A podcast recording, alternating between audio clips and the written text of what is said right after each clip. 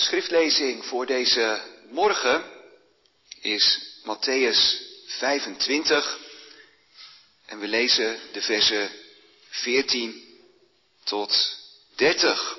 Een gelijkenis die de Heer Jezus vertelt in het thema, het HGB-thema voor opening winterwerk is geloven is doen. En dat komt ook heel duidelijk naar ons toe in dit Bijbelgedeelte.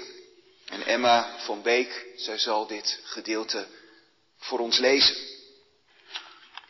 Want het is als iemand die naar het buitenland ging, zijn eigen dienaren bij zich riep en hun zijn bezittingen toevertrouwde. En aan de een gaf hij vijf talenten, aan de ander twee en aan de derde één, ieder naar zijn bekwaamheid. En hij reisde meteen weg. Hij, die in de vijf talenten ontvangen had, ging weg en handelde ermee. En hij verdiende vijf andere talenten erbij. Evenzo verdiende degene die de twee talenten ontvangen had, er nog twee bij. Maar hij, die het ene ontvangen had, ging weg en groef een gat in de grond en verborg het geld van zijn heer. Na al lange tijd kwam de heer van die dienaren terug en hield afrekening met hen. En degene die de vijf talenten ontvangen had, kwam en bracht nog vijf talenten bij hem. En hij zei, Heer, vijf talenten hebt u mij gegeven. Zie, nog vijf talenten heb ik aan winst gemaakt. Zijn heer zei tegen hem, Goed gedaan, goede en trouwe dienaar. Over weinig bent u trouw geweest, over veel zal ik u aanstellen. Ga in, in de vreugde van uw Heer. En degene die de twee talenten ontvangen had, kwam ook naar hem toe en zei, Heer, twee talenten hebt u mij gegeven. Zie, twee andere talenten heb ik aan winst gemaakt. Zijn heer zei tegen hem, goed gedaan, goede en trouwe dienaar. Over weinig bent u trouw geweest, over veel zal ik u aanstellen. Ga in, in de vreugde van uw Heer. Maar hij, die het ene talent ontvangen had, kwam ook naar, naar hem en zei, Heer, ik wist dat u een streng man bent, omdat u maait waar u niet gezaaid hebt en inzamelt van de plaats waar u niet gestrooid hebt. En ik ben bevreesd weggegaan en heb uw talent verborgen in de grond. Zie, hier hebt u het uwe. Maar zijn heer antwoordde en zei tegen hem, slechte en luie dienaar, u wist dat ik maai waar ik niet gezaaid heb en van de plaats inzamel waar ik niet gestrooid heb. Dan had u mijn geld aan de bankiers moeten geven en ik zou bij mijn komst het mijne met rente teruggekregen hebben. Neem daarom het talent van hem af en geef het aan hem die de tien talenten heeft. Want ieder die heeft, aan hem zal gegeven worden. En hij zal overvloedig hebben. Maar van hem die niet heeft, van hem zal afgenomen worden. Ook wat hij heeft. En werp de onnutte dienaar uit in de buitenste duisternis. Daar zal gejammer zijn en tandengeknars. Jongens en meisjes, stel je voor, je komt s morgens op school, in de klas, en de juf zegt, ik heb een toets voor jullie. En die moeten jullie maken. En dan ga ik even weg. En dat kan best even duren voordat ik terug ben. Maar ik wil dat jullie heel goed je best doen. En die toets gaan maken. Alle vragen. Ook al duurt het best lang. Wat doe je dan? Als de juf dan weggaat en ze je niet meer in de gaten kan houden, maar wel die opdracht heeft gegeven. Ga je die toets dan maken? En ga je er dan mee door? Ook als je er eigenlijk geen zin meer in hebt? Ook als het best lang duurt voordat de juf terugkomt? En denk je, ja, ze heeft het wel gezegd. En als je vriendje of vriendinnetje met je wil gaan praten, zeg je dan nee, ik moet die toets maken. Dat wil de juf graag. Of ga je wat anders doen? Ze ziet het toch niet. Iets wat je zelf leuk vindt. Zeker als het wat langer duurt. Blijf je dan met die toets bezig? Wat is dat lastig? Nou, daar moest ik aan denken toen ik de gelijkenis van vanmorgen las. Bijbelgedeelte in Matthäus 25. De Heer Jezus die een verhaal vertelt. Een verhaal over een heer, een rijke man, die op reis gaat naar het buitenland en die zijn slaven, zijn knechten bij zich roept en zijn bezittingen onder hen verdeelt. En tegen hen zegt, jullie moeten voor mij aan het werk gaan, zolang ik weg ben. En dat kan best even duren, voordat ik terug ben. Wie is deze Heer? Nou, dat is denk ik niet zo moeilijk. Dat is de Heere God. Of beter nog, dat is de Heere Jezus. In wie de Heere God zo dichtbij is gekomen. Zijn eigen zoon. Die mens werd zoals wij. Hij is die Heer. Wie zijn die slaven? Nou, dat zijn, zijn discipelen. Degene die bij hem horen, of in ieder geval bij hem in de buurt zijn. Wij zouden vandaag zeggen, die dienstknechten, die slaven, dat is de kerk, dat is de christelijke gemeente, of nog wat persoonlijker, dat zijn wij. U, jij en ik. Mensen die bij Jezus horen, ja toch? Of bij hem in de buurt zijn. En dan die talenten, de bezittingen die de Heer onder zijn dienstknechten verdeelt. Dan gaat het om geld en niet maar een beetje. Eén talent, daar zou je twintig jaar voor moeten werken. Twintig jaar salarissen. Als je dat omrekent naar onze tijd, meer dan een half miljoen euro. De Heer geeft niet aan alle knechten evenveel.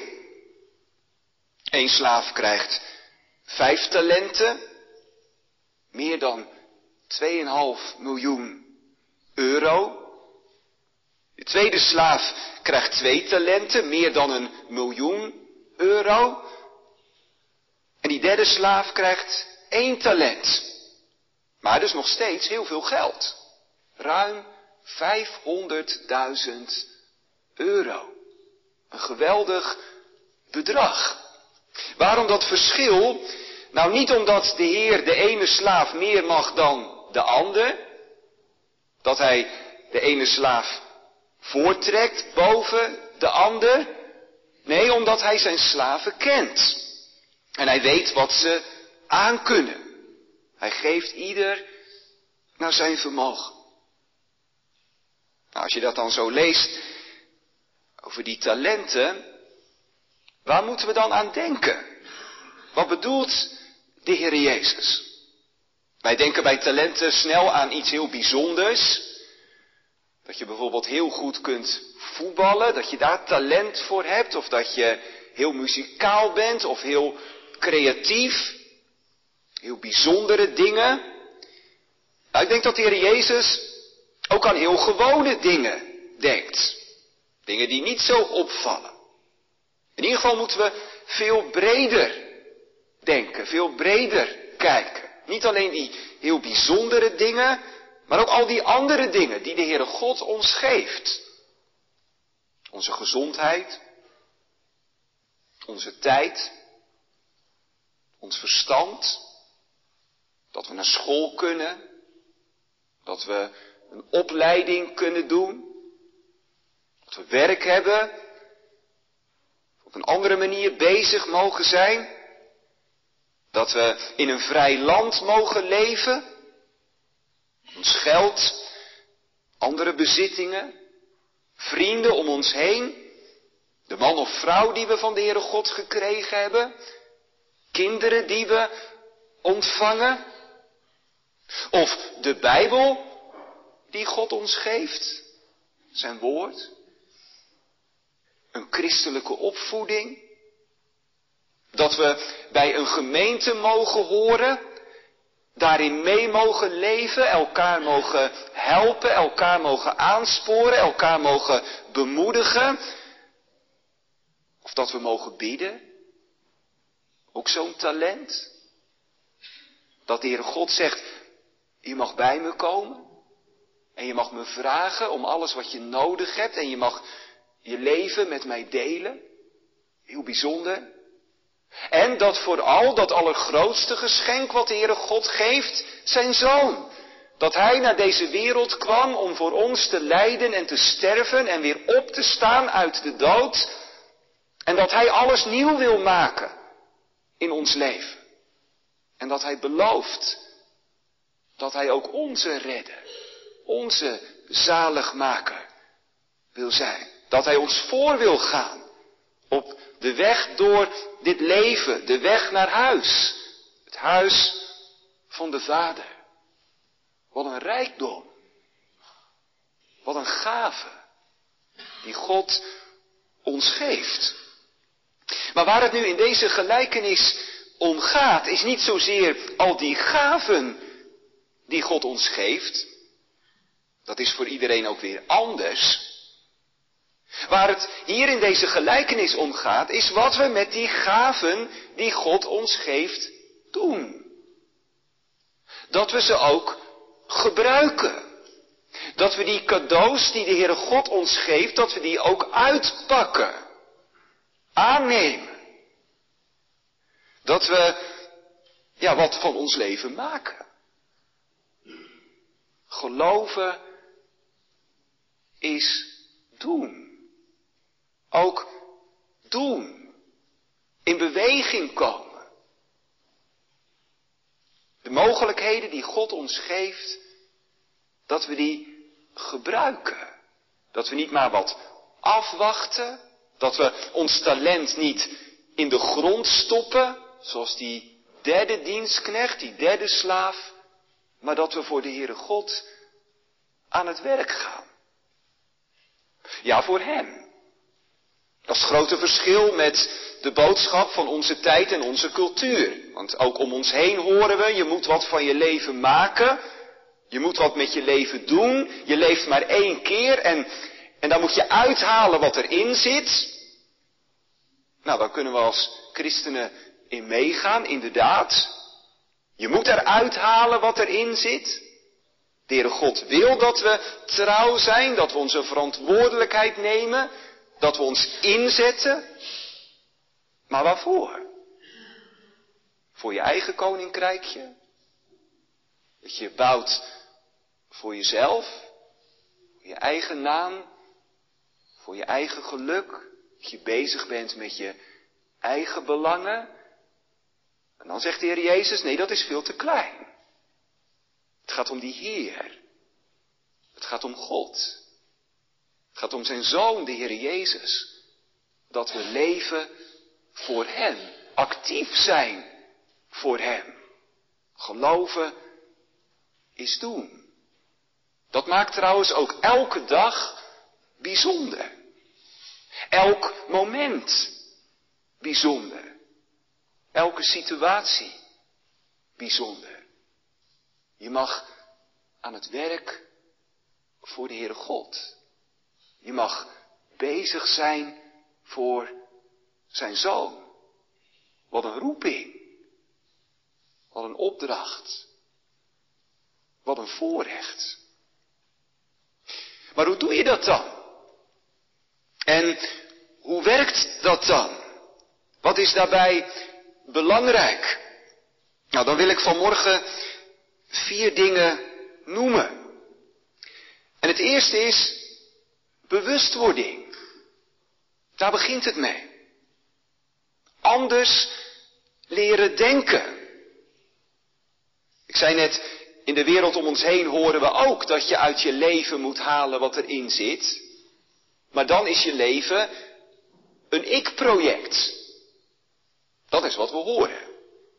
Denk aan jezelf. Maak je eigen keuzes. Leef je eigen leven. Daar gaat het om. En je zou kunnen zeggen, dat is onze standaardhouding. Dat horen we niet alleen in de wereld om ons heen, dat horen we ook in ons eigen hart. Maarten Luther, de reformator, hij zei eens, door de zonde staan we om onszelf heen gebogen. Dat is ons leven. Druk met onszelf. Onder de indruk van onszelf. We zitten ook vast in onszelf. Ons leven als een ik-project. En de Heere God, Hij wil ons dat afleren. Hij wil ons daarvan bekeren. Hij wil ons ombuigen. Ons hart, ons leven ombuigen. Ombuigen van onszelf naar Hem toe. Dat Hij in het centrum van ons leven staat. En dat gaat niet vanzelf. En dat leer je niet in één dag. Dat is een heel proces, een bekeringsproces. En Bijbel lezen en de zondagse kerkdiensten zijn daarbij ontzettend belangrijk als momenten waarop je weer gefocust wordt op het echte doel van je leven. Gefocust wordt, gericht wordt op God. Je zou kunnen zeggen, we hebben steeds weer een reset nodig. Dat we opnieuw ingesteld worden. Weer zien waar het om gaat. Om wie het gaat. Om God. Bewustwording. Belangrijk om dat ook steeds weer tegen jezelf te zeggen.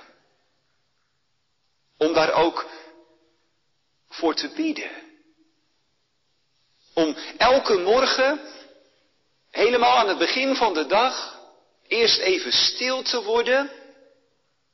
En dan tegen God te zeggen, Heere God, het gaat om U. U bent het doel van mijn leven. En dat ik zo vandaag ook mag leven. Wat zou dat groot zijn? Daar gaat het om. Bewustwording. Ik ben er niet voor mezelf. Ik ben er voor God. Geldt trouwens ook voor de gemeente. We zijn geen gemeente voor onszelf. We zijn gemeente voor God. Zijn volk. Zo de dag beginnen. En dan ook aan het einde van de dag weer terugkijken. Je hebt van alles gedaan, er is van alles gebeurd, een hele hoop drukte in je leven. Maar welke plaats heeft de Heere God nu deze dag gehad? Wat heb je met je gaven en mogelijkheden gedaan voor Hem? En waar kun je dan blij mee zijn? Dankbaar? En waar moet je dan verdrietig over zijn? Wat moet je Hem dan beleiden? Bewustwording. Dat is het eerste. Als het gaat over dat actief zijn voor God. Leven, werken voor Hem. In de tweede plaats heeft dat bezig zijn voor de Heere God ook alles te maken met hoe je tegen de Heere God aankijkt. Jongens en meisjes, op school hebben jullie vast ook al Engels, Heel mooi om zo'n andere taal te leren. Misschien vind je het juist moeilijk. Houd je er niet zo van? Nou, ik las eens over een jongen die heel veel moeite deed om Engels te leren. Hij was er helemaal niet goed in.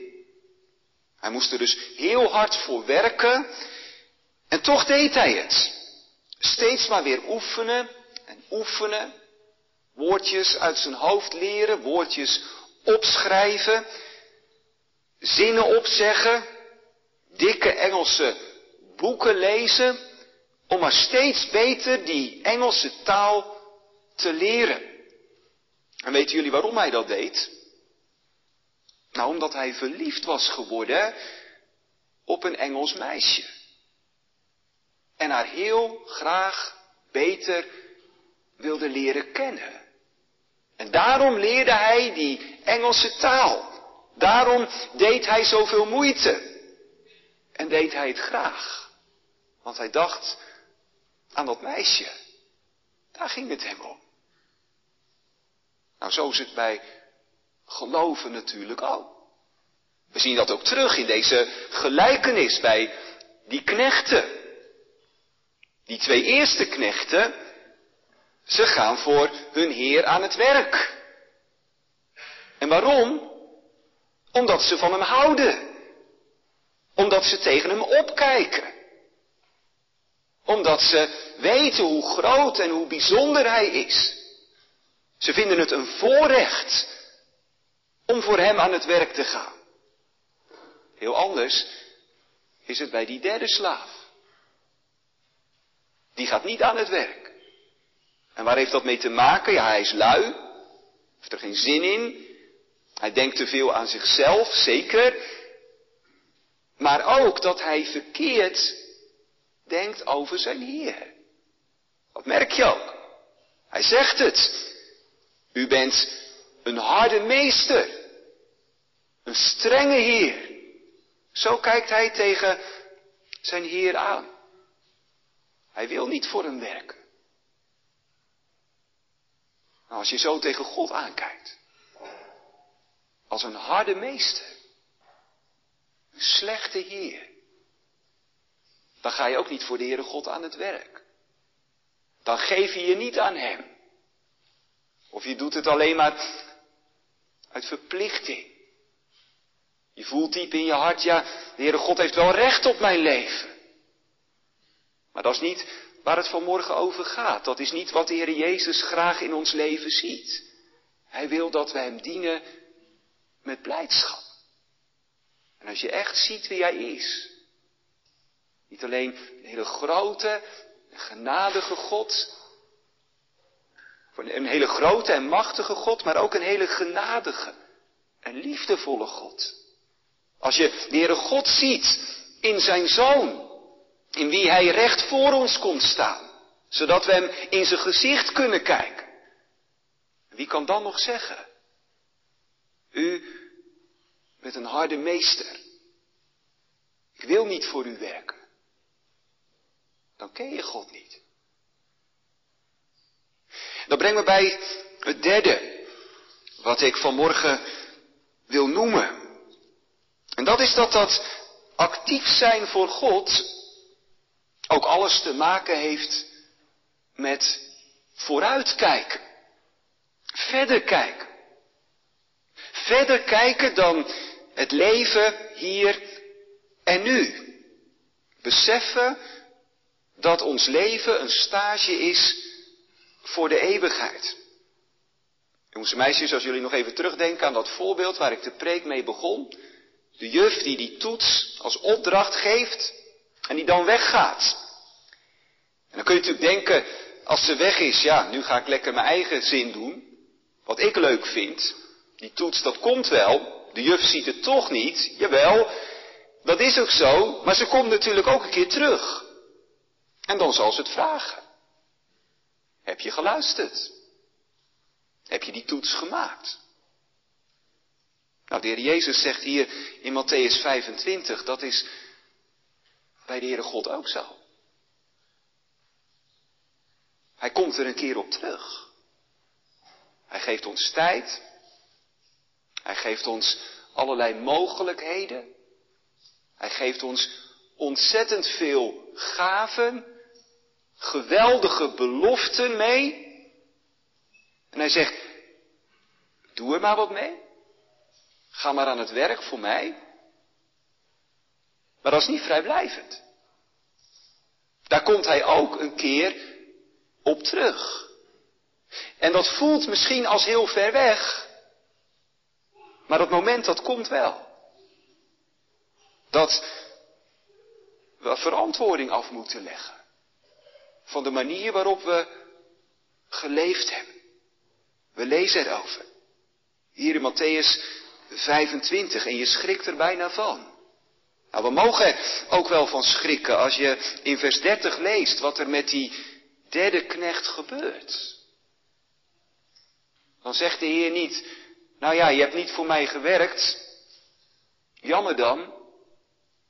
Nee, dat heeft geweldige consequenties. Dat betekent dan wel dat je voor altijd buiten moet blijven. Voor een dichte deur.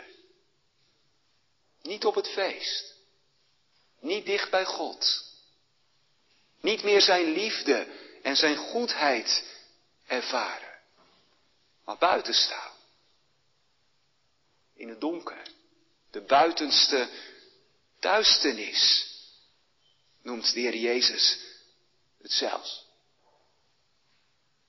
En dan zou je kunnen zeggen, nou dan heeft die derde knecht eigenlijk toch nog wel een beetje gelijk. Dan is de Heere God en dan is de Heer Jezus toch een harde meester. Dat Hij zo met ons omgaat. En dat Hij zo straft. Nou, dan hebben we maar weinig van begrepen. Het is juist Zijn liefde. Dat Hij ook eerlijk is. En dat Hij ook deze dingen tegen ons zegt. Kijk verder. Denk aan hoe het straks zal zijn. Waar ben je over honderd jaar? Waar ben je over duizend jaar? Is het dan feest?